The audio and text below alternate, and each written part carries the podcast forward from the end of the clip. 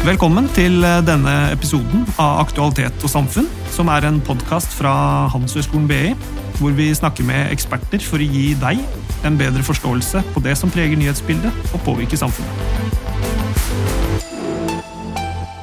Mitt navn er Ole Petter Syris Sleite, og i dag er vi i studio for å snakke om skatt.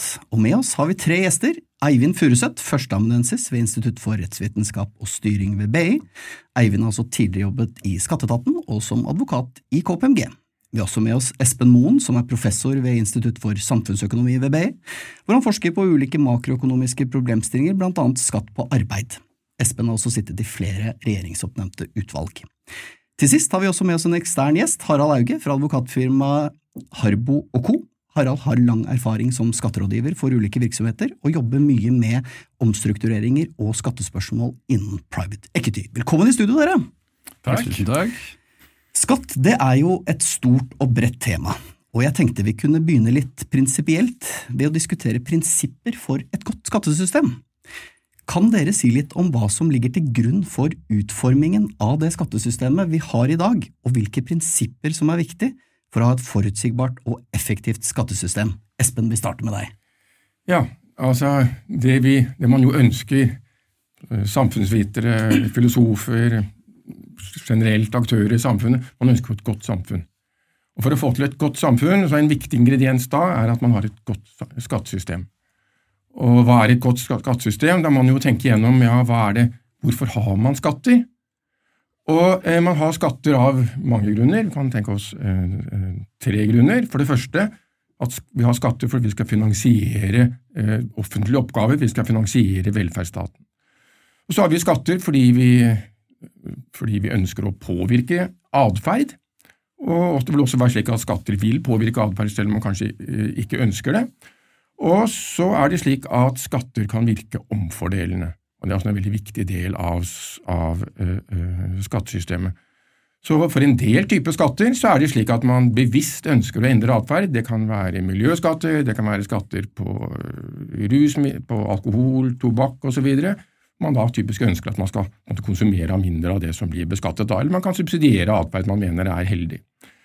Eh, så er det også da slik at Eh, man har behov for at offentlig må dra inn store beløp. Og det kan da medføre, eh, når man da beskatter arbeid eller andre eh, arbeidsinntekt eller andre inntektskilder, da vil det fort gjøre at man får påvirke, påvirker atferden i en måte som ikke er ønskelig.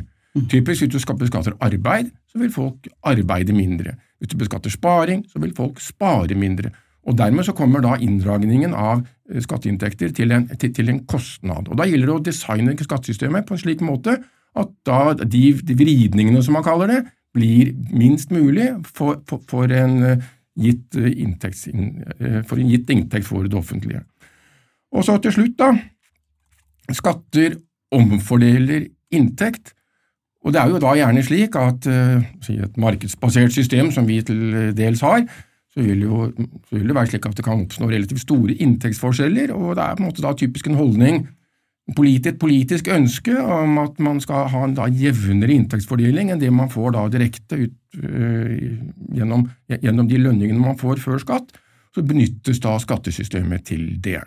Og Ofte vil det her være på en måte et, et spenningsforhold. På den ene siden så ønsker man å ha et skattesystem som ikke ikke forstyrrer økonomien for mye, slik at du ikke reduserer verdiskapingen mer enn nødvendig. På den annen side så ønsker du å omfordele fra de som tjener mye, til de som tjener lite.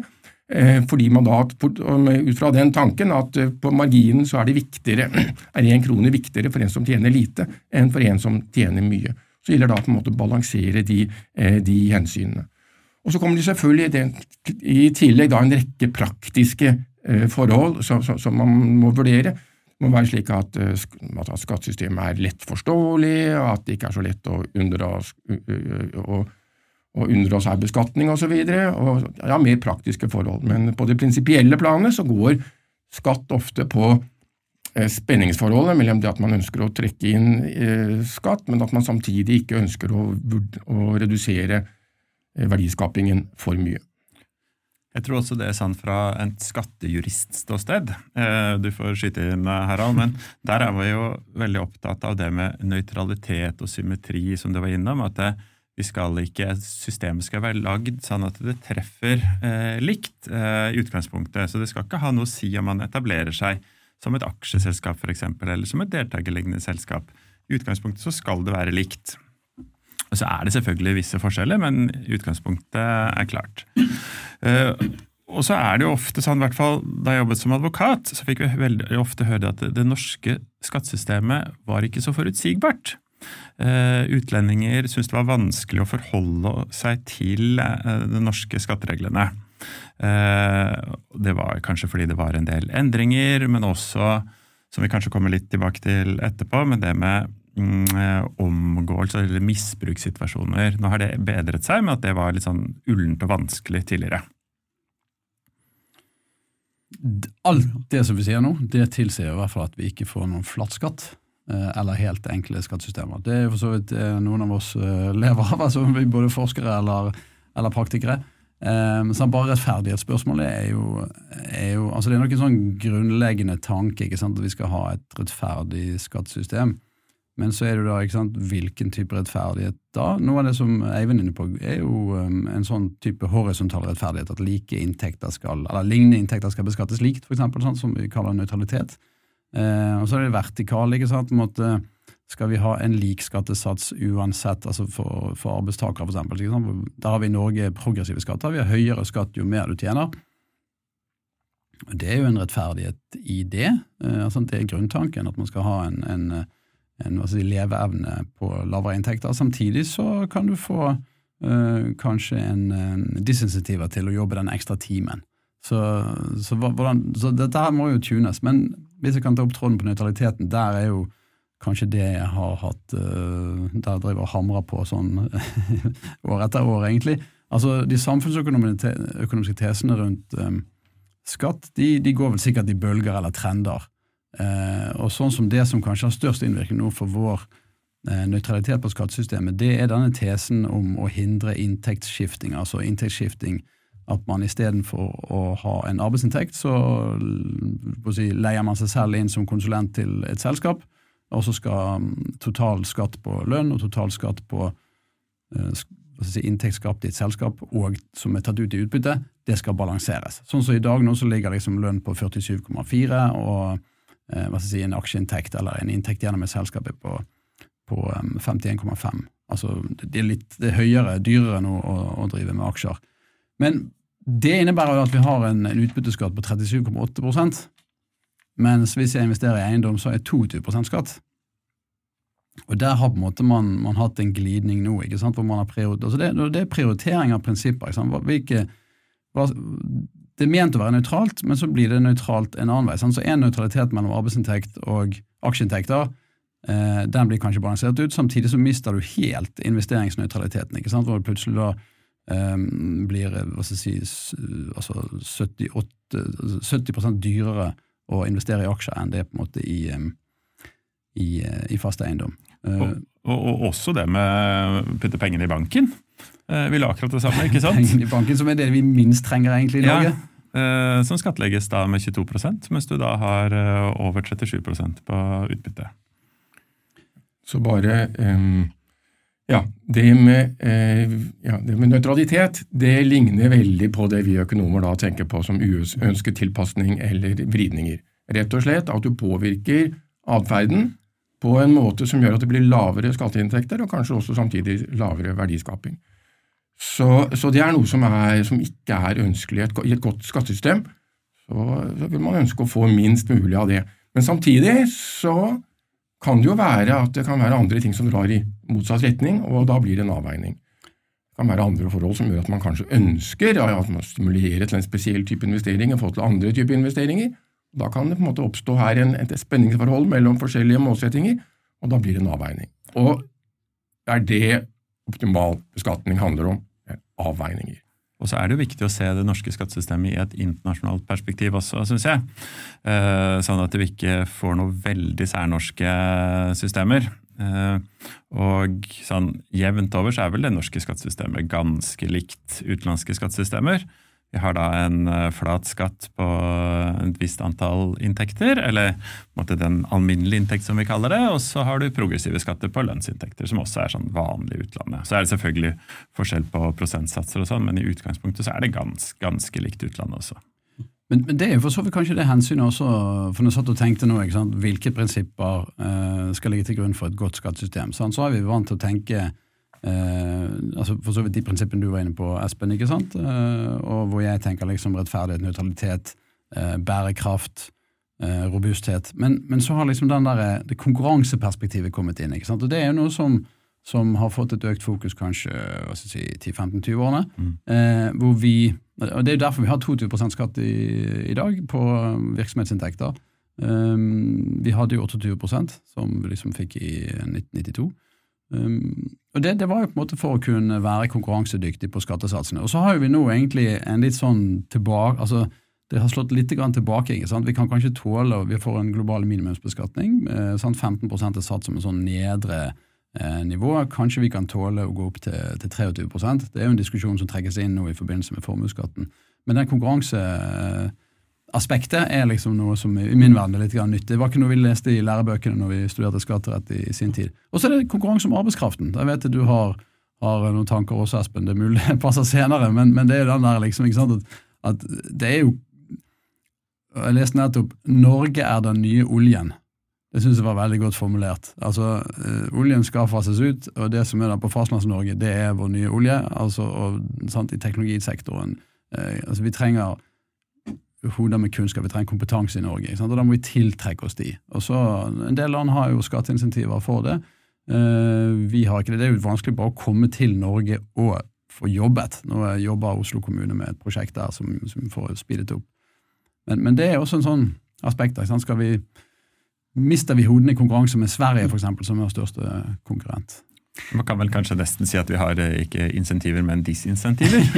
Eh, vi kommer kanskje litt inn på formuesskatt etterpå, men den er, kan jo være problematisk hvis vi skal få de gode og smarte menneskene til Norge. Vi skal innom både formuesskatt, forhåpentligvis, og arbeidskraft. Så fra de store perspektivene og prinsippene og skattesatser til de store linjene i norsk økonomi. Denne høsten så la regjeringen frem sitt forslag til statsbudsjett for 2024.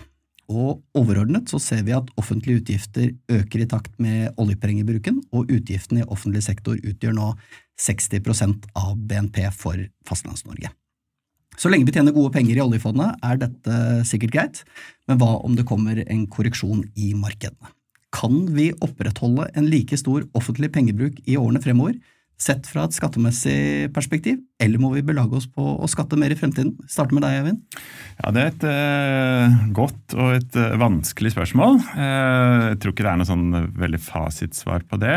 Men eh, det er klart hvis inntektene går ned, eh, og vi skal opprettholde den standarden vi har i dag, eh, da må vi jo få øke inntektene på et annet nivå. Da må vi kanskje skru opp skattene.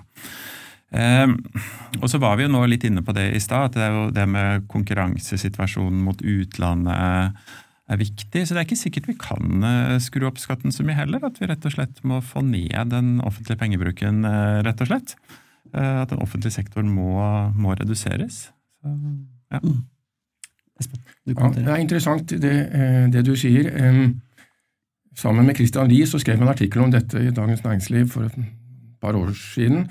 Så Tradisjonelt har det vært slik i Norge at sånn røffelig sagt at eh, inntektene deles 50-50 mellom privat sektor og offentlig sektor. Hvis folk da tjener en viss sum, så tar staten halvparten, og så får eh, personen halvparten. Og så Det har vært deling mellom privat og offentlig sektor. Og Så har man da fått oljeinntekter, og der har man ikke fulgt den samme delingsnøkkelen. Der har staten i hovedsak ja, tatt nesten alt i form av måte, økte offentlige utgifter, mens derimot uh, kun en liten del har gått til skattelette. slik at eh, Derfor har da offentlig sektor økt betraktelig uten at skattene har falt noe særlig. Litt, men ikke noe særlig. Og Så er da spørsmålet ja, er dette her ja, det, er, det, er, noe man kan observere og det er noe man kan ha meninger om, men det, ser, det er i en viss forstand et brudd med, eh, eh, med, den praksis man har hatt tidligere, og den kom faktisk i stor grad også da under Solberg-regjeringen. Og Så er spørsmålet er dette bærekraftig.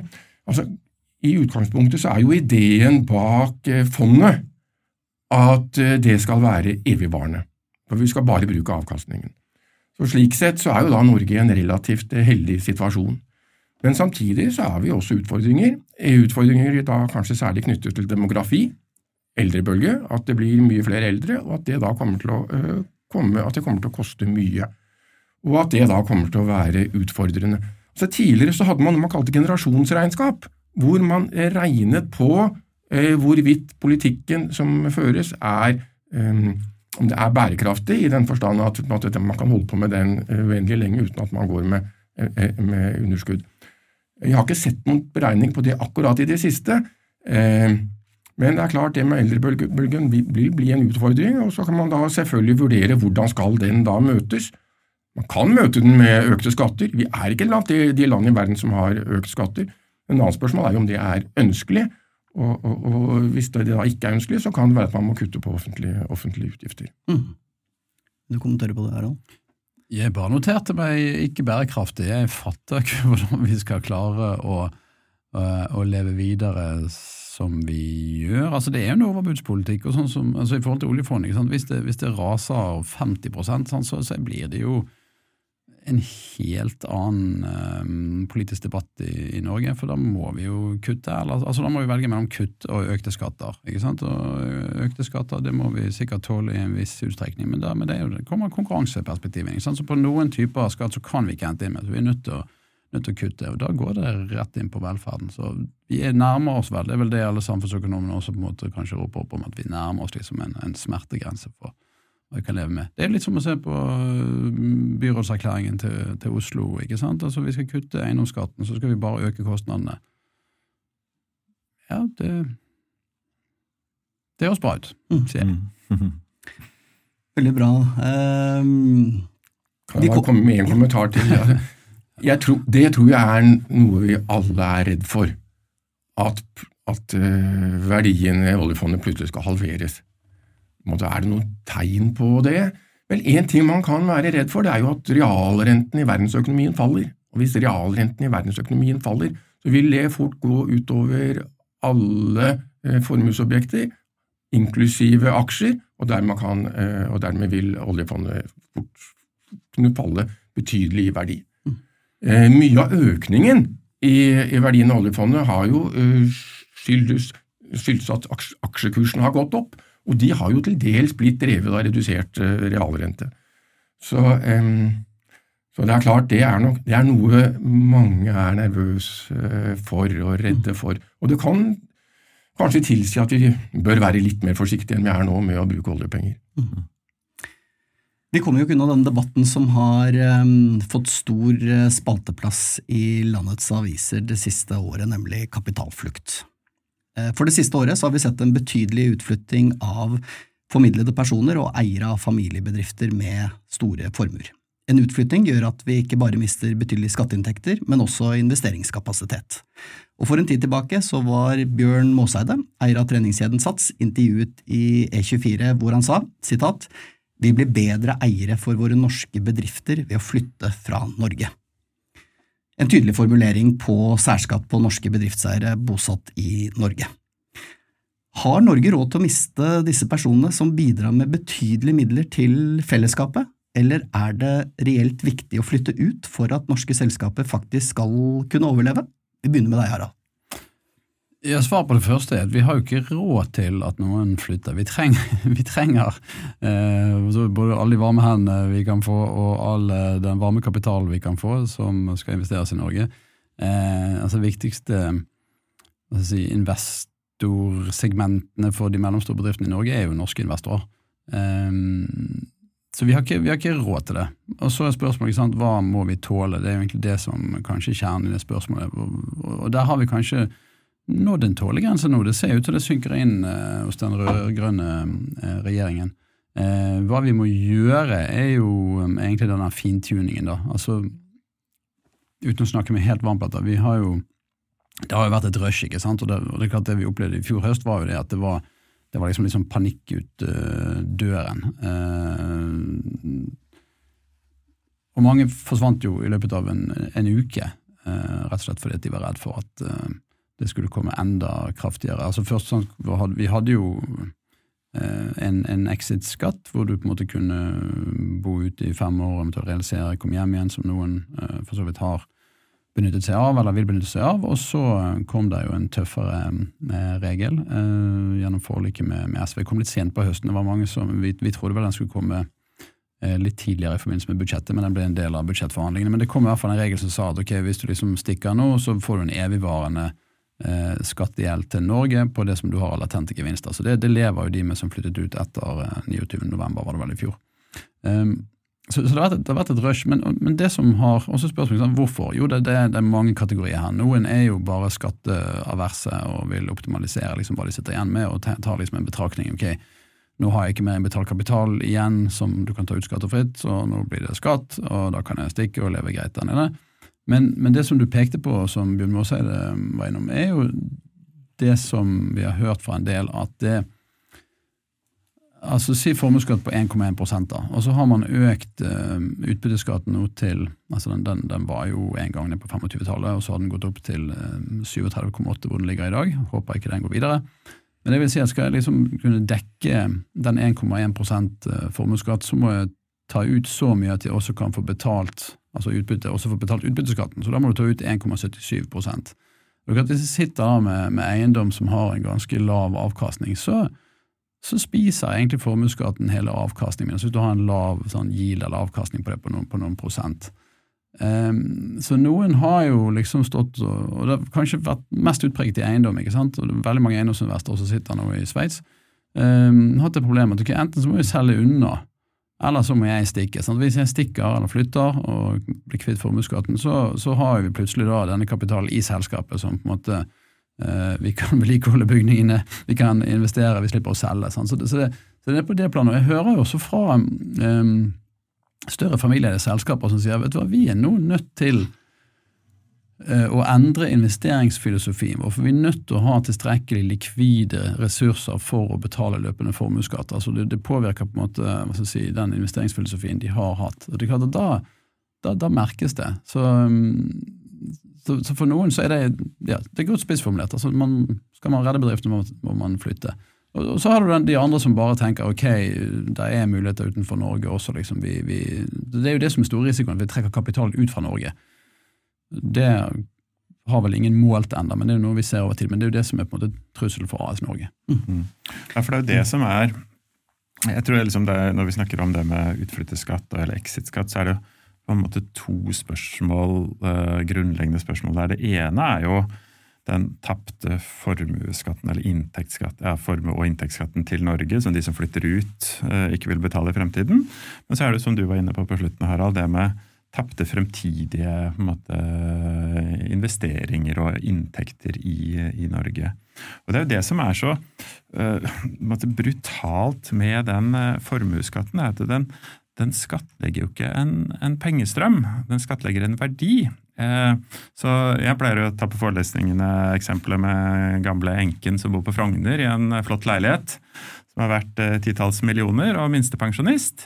Ehm, hun må jo da betale formuesskatt helt uavhengig av den inntekten hun har.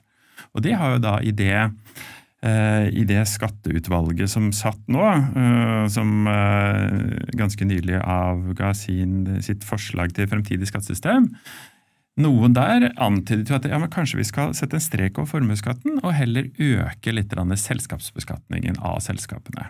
For, da betal, da, for hvis du da skattlegger selskapet i stedet, så vil du da skattlegge en, en kontantstrøm.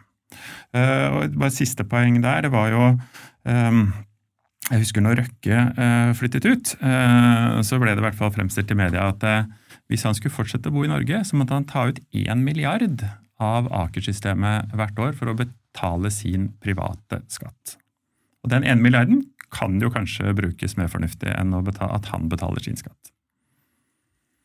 Espen? Ja, jeg er veldig enig i at um, problemet med at rike flytter til Sveits, at det er todelt. Det ene er på en måte den direkte effekten på, på statens skatteinntekter. Det er et fall, de pengene behøver vi, så det, måte, det, det er et tap. Det er tap for landet. Eh, det som kanskje vil være mer bekymringsfullt, er hvis det er slik at disse personene da vil skape mindre næringsvirksomhet i Norge fordi de har flyttet ut, enn de hadde gjort hvis de hadde fortsatt å bo i Norge. Og det er jo et interessant spørsmål, men det tror jeg ikke vi vet så mye om. Jeg tror ikke vi vet så mye om eh, hvordan utflytting endrer investeringsatferd til de nordmennene som flytter ut. Så, um, så, her er vi rett og slett, her famler vi litt i mørket. Vi vet ikke helt hva kostnadene er, hvis det er slik at de fremdeles vil investere i Norge sånn, sånn, sånn, på samme måte som hvis de hadde bodd her. Så er det kanskje i større grad å leve med enn hvis det er slik at de da vil rette oppmerksomheten og bruke sine talenter andre steder. Mm. Det er jo, Formuesskatt er jo et stort tema, ehm, eh, og vi skal jo innom eh, også flere temaer her, men um, norske politikere og bedriftseiere har jo en årrekke diskutert hvorvidt den er bra eller ikke. Og bare for å ta de store linjene litt, så er jo provenyet, altså inntekten til det offentlige fra formuesskatt på næringsverdier, den var estimert til 15,2 milliarder i 2022. Samtidig så utgjør den totale skatteinntekten i Norge ifølge SSB for 2022 nærmere 1736 milliarder, hvor ca. 700 milliarder kommer fra utvinning av petroleum. Du var jo inne på det, Eivind. Eh, finnes det noe erstatning? Ja, det er det, da. Eh, og da tror jeg det er litt eh, øynene som ser, egentlig. Men jeg eller hva skal jeg si, jeg starter litt annerledes. Eh, et alternativ til formuesskatten, hvis det er bare provenyet vi skal ha inn, er jo å skattlegge selskapene hardere. Um, og det er som du sier, eh, formuesskatten den er jo ikke så høy. Ikke så, hvis du ser totalen, så er det ikke så stor prosentandel av de totale skatteinntektene i Norge. Men det har vel Politisk så tror jeg det har en ganske stor betydning, den måte, symboleffekten med omfordeling og sånn. Men eh, ja, jeg tror absolutt at man eh, burde og eh, kunne lage et skattesystem hvor man kan skru ned, eller kanskje helt sette en strek over formuesskatten, og heller få inn de skatteinntektene på en annen måte. Og det er litt noe med det skal være veldig kort, ehm, at hvis du, si, Den ene milliarden da, som Røkke må ta ut for å betale sin private skatt hvis han har blitt boende i Norge, hvis den ene milliarden heller yngler i Aker-systemet, kanskje de ansetter flere, eh, kjøper varer, tjenester, du får eh, måtte, lønnsinntekt, skatt på arbeid osv., så, videre, og så, videre, så jeg tror Nå har ikke jeg sett det, jeg har heller ikke regnet på det, men totalregnskapet er ikke sikkert blir så veldig annerledes om vi ser om du betaler formuesskatt, eller om de pengene får lov til å være der og formere seg.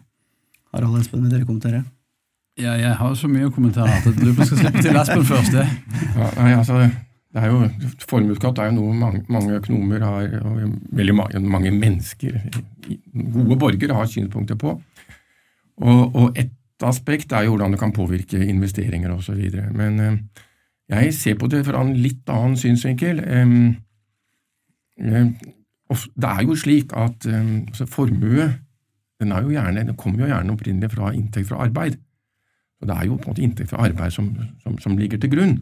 Og Særlig hvis man ser på en, særlig hvis man for et øyeblikk abstraherer fra, fra arv, da, så vil det jo være det slik at man, man tjener inntekt på, eh, på arbeidet, og så, og så eh, betaler man skatt for det. Og så sparer man noe av det, og så får man en formue, og så kan man da, spørsmål skal man da betale skatt på, på den formuen også. Og da er, koker på mange måter spørsmålet ned til skal, i det når du har tjent 1000 kroner, skal du betale hele skatten med en gang, eller skal du betale litt nå, og skal du vente litt til senere og så betale eh, resten i form av skatt på, på den kapitalen du bygger opp på en eller annen måte. Og det er mange gode argumenter for å ta skatten med en gang. At, rett slett, eh, at man rett og slett gjør det slik at du betaler skatt Det du skal betale i skatt, det du betaler når du, har, når du har tjent inntekten på arbeid, og så betaler du ikke mer. Da vil du ok, du vil, da, Uansett så vil eh, skatt forstyrre eller gjøre at folk jobber, jobber, annerledes, mindre. Men hvis du da utsetter en del av skatten, så vil du i tillegg da påvirke sparingen og påvirke formuesoppbyggingen, så du får på en måte to forstyrrelser istedenfor én.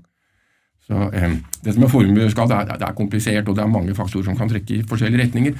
Men dette med at det, kan være, at det reelt sett er at du istedenfor å betale eh, skatt på arbeidsinntekt med en gang, fordeler det over tid, og at det kan være lurt å, å, å ta alt på en gang, det syns jeg er underkommunisert.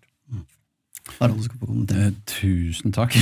Nei, altså, um, Det er liksom to nivåer her uh, som jeg tenker på. i hvert fall. Det ene er jo liksom, ok, hvorfor har vi den? Jo, det er en politisk skatt. Og det andre er hva kan vi gjøre? Uh, jeg er jo ikke så veldig optimistisk i forhold til å bli kvitt uh, formuesskatten. Det er basert på, på de politiske signalene.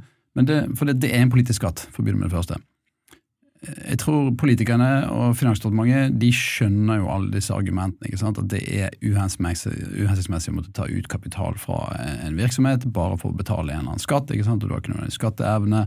Eh, og Det gjelder bare norske eiere. Det må jo være det mest brutale. egentlig, som vi, la, vi, vi slipper utlendinger billigere til liksom, å investere i Norge enn det norske investorer gjør. Så jeg tror den problemforståelsen eh, har de, og det tror jeg også er grunnen til at de rød-grønne nå heller ikke har skrudd til dette, og antagelig vil prøve å holde igjen også med SV, fordi vi har liksom nådd en smertegrense. Og hva kan man gjøre, da? Nei, altså, det, det, går jo igjen tilbake til ok, hva er det politiske dilemmaet? Jo, det handler jo egentlig om å unngå nullskattytere. Det er gjort beregninger på hvor mange tusen, ti tusen det vil være. Altså, det er et dilemma. Sant? Du kan snakke med altså, Høyre for fjerning av formuesskatten? Nei de eh, vil ikke ha nullskattytere. Så det er egentlig det er ikke noe politisk vilje i Norge i dag til å fjerne formuesskatten, men det er politisk vilje til å endre den, og det er der vi egentlig, det er der jeg er litt sånn engasjert for tiden og prøver å jobbe for å tune, endre den skatten sånn at den blir mindre skadelig enn den er i dag. Um, for er for, for hvis, det, hvis, poenget bare er å fjerne nullskattyterne, så kan jo vi si at okay, de som betaler skatt, da, altså alminnelig inntektsskatt, da slipper de å betale formuesskatt. Det er jo det helt enkle å gjøre. Altså Vi sier vi beregner en formuesskatt, hvis du betaler en inntektsskatt som overstiger det, så har du betalt nok skatt. Det, det er den enkle biten. Um, det som er dilemmaet her også, er jo at dette går jo på, på fordeling av skatteinntektene. For 0,7% av sånn, Nå er det liksom 1% og 1,1% men 0,7 av de, de går til kommunene. Så Hvis vi fjerner formuesskatten, så må vi kompensere kommunene på samme måten som vi egentlig eh, gir de formuesskatt. Så det er jo sånn, sånn her kompliserende faktor inni dette. Men det som alle politikere er i hvert fall sånn, de, de, det det er flertall for, er jo da å skjerme eh, arbeidende kapital. Problemet i dag er at definisjonen av arbeidende kapital har blitt en sånn rabatt på aksjer. ikke sant? Og Hva er aksjer? Jo, det er det de rike sitter med, og det er liksom finansformuer. Så Derfor så blir det en politisk sånn, eh, sånn spill på. ikke sant? Hvor stor rabatt skal vi ha? Jo, skal det være 45% Skal det være 25% Skal det være 20 Nå er det 20% Så skal vi fjerne formuesskatten på arbeidende kapital, så må vi ha rabatter på de driftsmidlene inni selskapene. Altså Det gjelder for så vidt ikke liksom, eh, børsnoterte aksjer inni et selskap, men det gjelder på en måte de driftsmidlene som, som skaper inntektene. Eh, der må det gjøres en jobb. og Hvis man får liksom lagt inn rabattene der, så blir dette her eh, det blir ikke levelig, vil jeg si, men det er i hvert fall bedre. Det er en politisk vilje på akkurat nå. Og så uh, har vi et problem for de nye næringene. Så den formuesskattedebatten som går nå i avisene, den er jo også litt i forhold til tech-selskaper f.eks., som da er litt tilfeldig for uh, formuesskatteutslag. Og Der bør man egentlig likestille alle immaterielle eiendeler og rett og slett nulle de. De skal ikke regnes med. De er for usikre. For Vi har en del immaterielle eiendeler i dag, f.eks. know-how, uh, goodwill, patenter. De regnes ikke med i det hele tatt, så det er litt tilfeldige forskjeller. Og så selskap som går med underskudd de bør slett ikke betale formuesskatt. Da får vi heller finne en ordning, vi kan eh, justere ned inngangsverdien på aksjene, vi kan finne måter å kompensere det på, men det blir liksom det mest meningsløse. At du driver med underskudd og prøver liksom å, å kalle gjennom noe, men du har litt for mye på balansen, og så må du betale skatt. Takk. Veldig bra. Denne debatten om formuesskatt kunne vi sikkert også uh, holdt på med mye lenger, men vi skal gå litt fra formuesskatt, kapitalflukt til intelligens, intelligensflukt, eller brain drain, som det heter på engelsk. For brain drain det er et um, engelsk uttrykk for intelligensflukt, altså at høyt utdannede mennesker forlater hjemlandet til fordel for land som kan tilby høyere lønn eller bedre arbeidsforhold. Og brain drain av høykvalifisert arbeidskraft det kan potensielt bli et problem hvis vi ikke har gode rammebetingelser. Så for å starte med deg, Espen, som forsker på nettopp dette, hvordan vurderer du Norges attraktivitet for å tiltrekke oss talenter og viktig, kompetent arbeidskraft? Og bør vi gjøre noe annerledes for å unngå brain drain? Ja, altså Først si at brain drain det er noe som jeg tror kan være, mm, kan være veldig skadelig. Hvis det da er slik at eh, en betydelig del av den mest kvalifiserte delen av arbeidsstokken vil forsvinne til, til, utlandet, fordi man der får høyere lønn, fordi man der betaler lavere skatt, så vil det få konsekvenser, betydelige konsekvenser for offentlige finanser og betydelige konsekvenser for verdiskapningen i Norge, slik at alle kommer dårligere ut. Så, så en utvikling i den retning, det vil, vil jeg si at det vil virkelig være bekymringsfullt. Så, så er jo spørsmålet da hvordan er situasjonen i Norge i dag? Ja, Det kommer litt an på hvem man sammenligner med, og hvilke yrkesgrupper man sammenligner med. Altså det er klart I Skandinavia så er det jo slik at de andre landene har jo omtrent samme skattenivå som det Norge har. Så er, vi skiller oss vel ikke ut spesielt negativt der. Mens når det gjelder da andre land som f.eks. USA, til dels England, så har de betydelig lavere skatt. Og så er det jo ikke bare skatten her som spiller inn, men det er jo også det faktum at Norge har en sammenpresset lønnsstruktur. Slik at også før skatt vil det være slik da at typisk den, den dyktige ingeniøren eller økonomen eh, tjener bra, bra, i forhold til gjennomsnittet, men forskjellen er mye mindre enn f.eks. i land som, som, som, eh, USA. Så Da kan du få en dobbel effekt gjennom at både lønnen før skatt i andre land er betydelig eh, høyere, og så har man i tillegg betydelig lavere skatt. Så at det da kan, kan, kan føre til at eh, flinke folk eh, reiser. Du ser vel litt av det i dag, men jeg ser for meg på en måte at det, det vil være veldig skummelt hvis det på en måte blir en økende trend i fremtiden. Mm. Vil dere kommentere, Harald eller Eivind?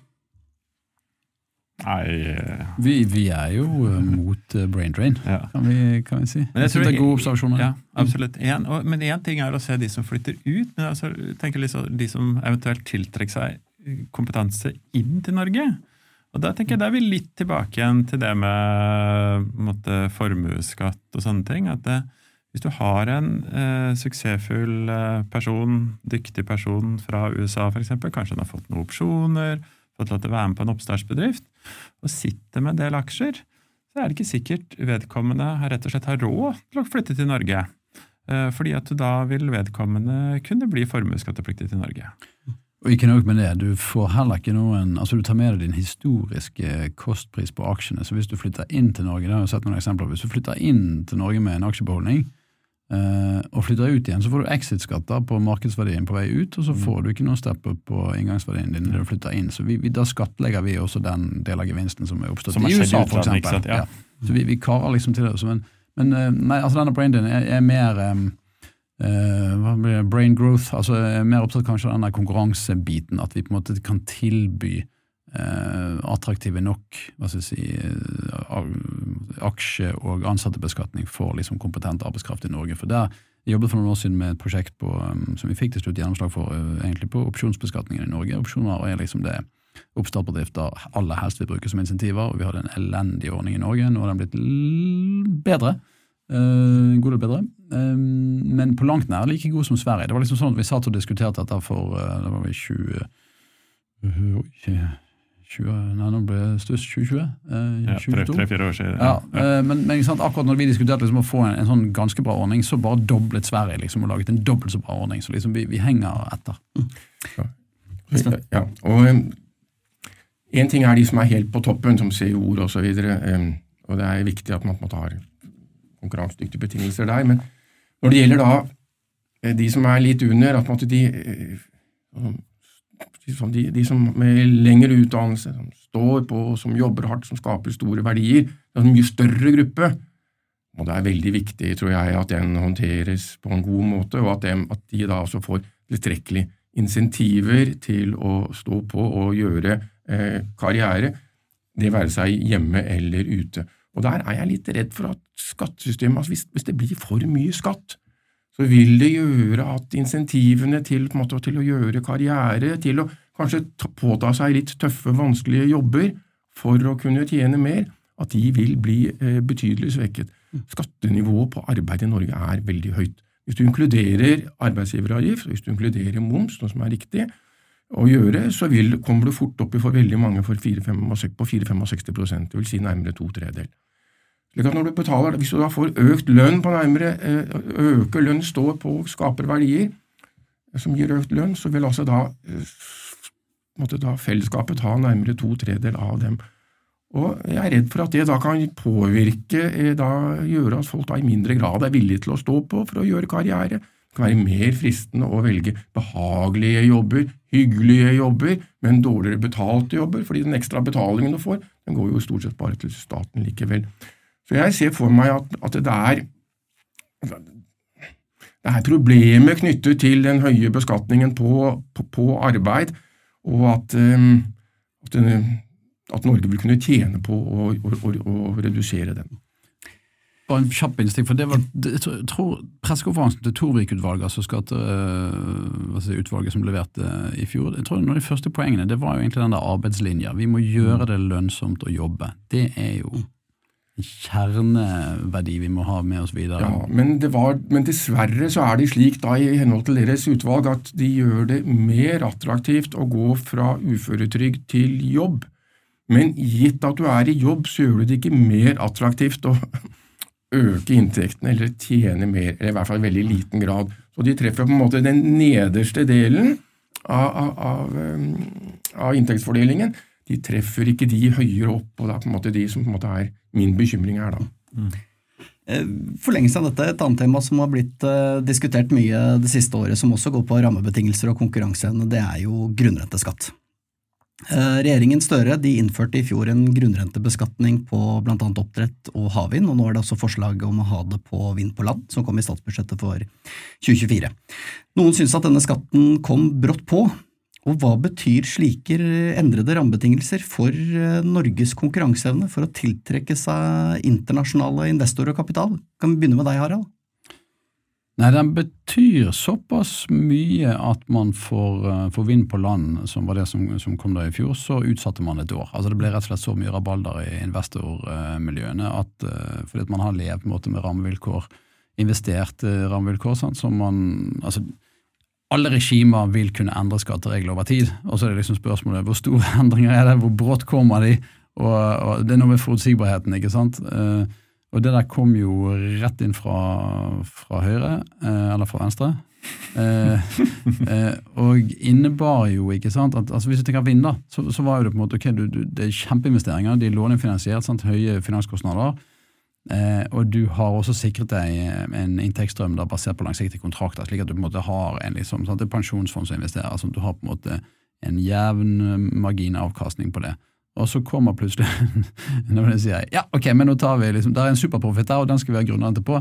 Eh, og der får vi ikke fradrag for fulle investeringer. Vi vi bare liksom hopper inn underveis eh, i løpet her, og så tar vi vår liksom eh, profit share av dette her. Så skal du ha en, en reell profit sharing, så må du på en måte si at ok, da skal liksom den som har gjort investeringen, også få uh, avlastning for det. Men her har man, altså det, det er noe med tuningen av dette. Da. Altså Det at vi har grunnrente, ikke sant? det har jo vi Eh, på sokkelen så har jo det vært eh, Norges måte, på en måte, å ha en sånn profit sharing som vel internasjonal målestokk har vært vellykket. Altså Istedenfor høye lisensavgifter så har man hatt en profit sharing som gjør at staten tar liksom eh, brorparten av inntektene, 78 eh, Går det med tap, så, så kompenserer det det. Eh, men da er det på en måte, da er, man, er man liksom fære, man er likverdige investorer fra dag én. Problemet når du innfører da grunnrenteregimet underveis i en investeringsperiode, så må du sørge for, på en måte, for å hente det inn igjen. Og Det var det som var problemet både med, med um, grunnrente på havbruk og grunnrente på vind. Nå har de justert det litt på, på vind, for de utsatte jo et år. Det ble så mye rabalder, så det kom en utforslag nå i høst.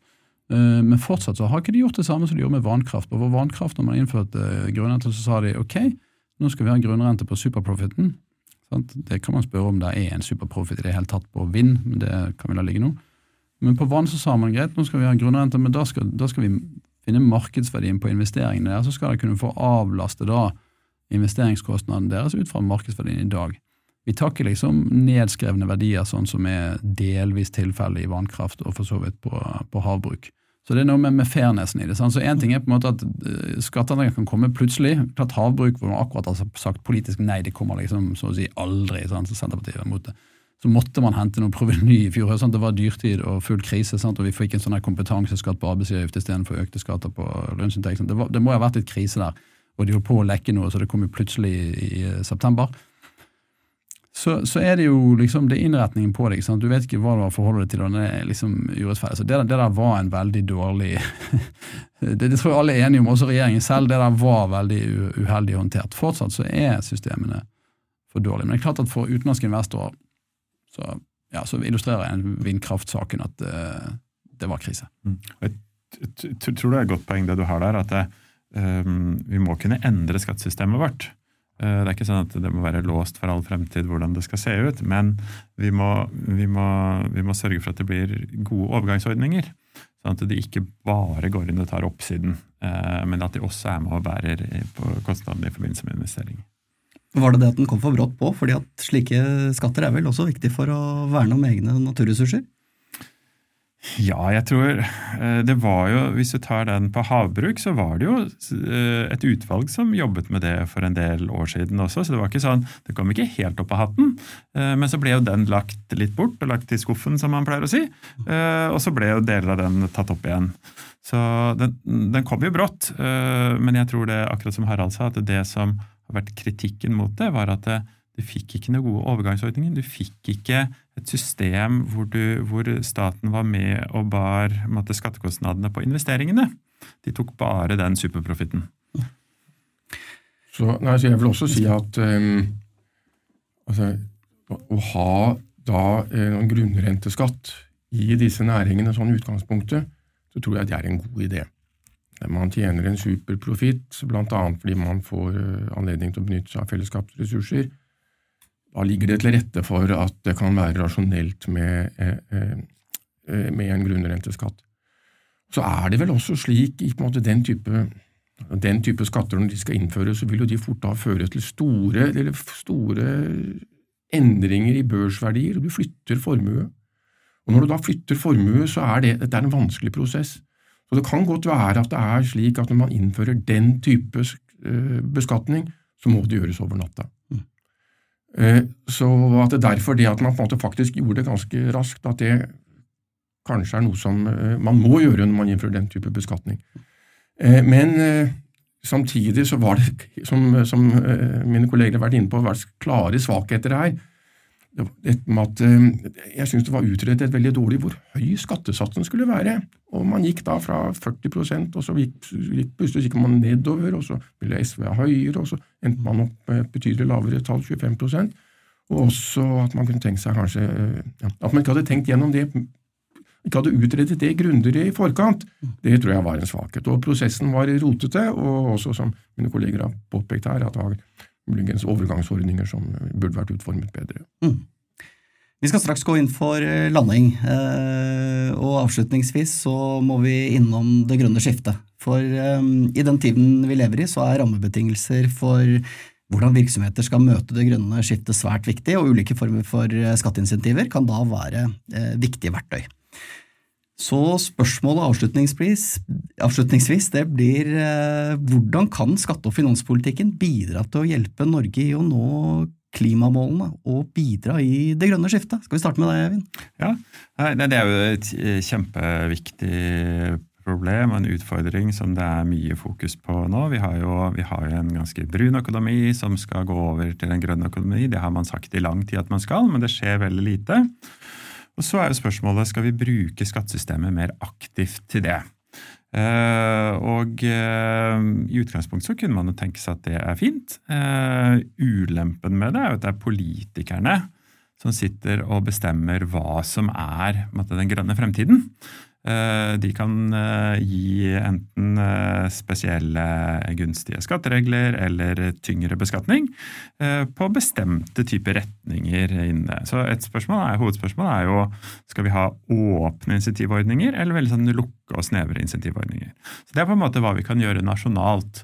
Men så har vi jo visse forpliktelser internasjonalt. Vi er jo en del av EØS. Det er forbud mot statsstøtte. Tilsvarende har man i EU. Den elbilordningen vi har i dag, den opphører vel i 2025. Eh, etter det har vi i utgangspunktet ikke lov til å ha så gunstig elbilbeskatning som vi har nå. Eh, så de setter jo sterke eller betydelige rammebetingelser. Og så har vi OECD i tillegg, som eh, jobber med en minimumsskatt, som den har vært innom tidligere her. Hvor den også vil slå veldig brutalt ut hvis et land har insentivordninger.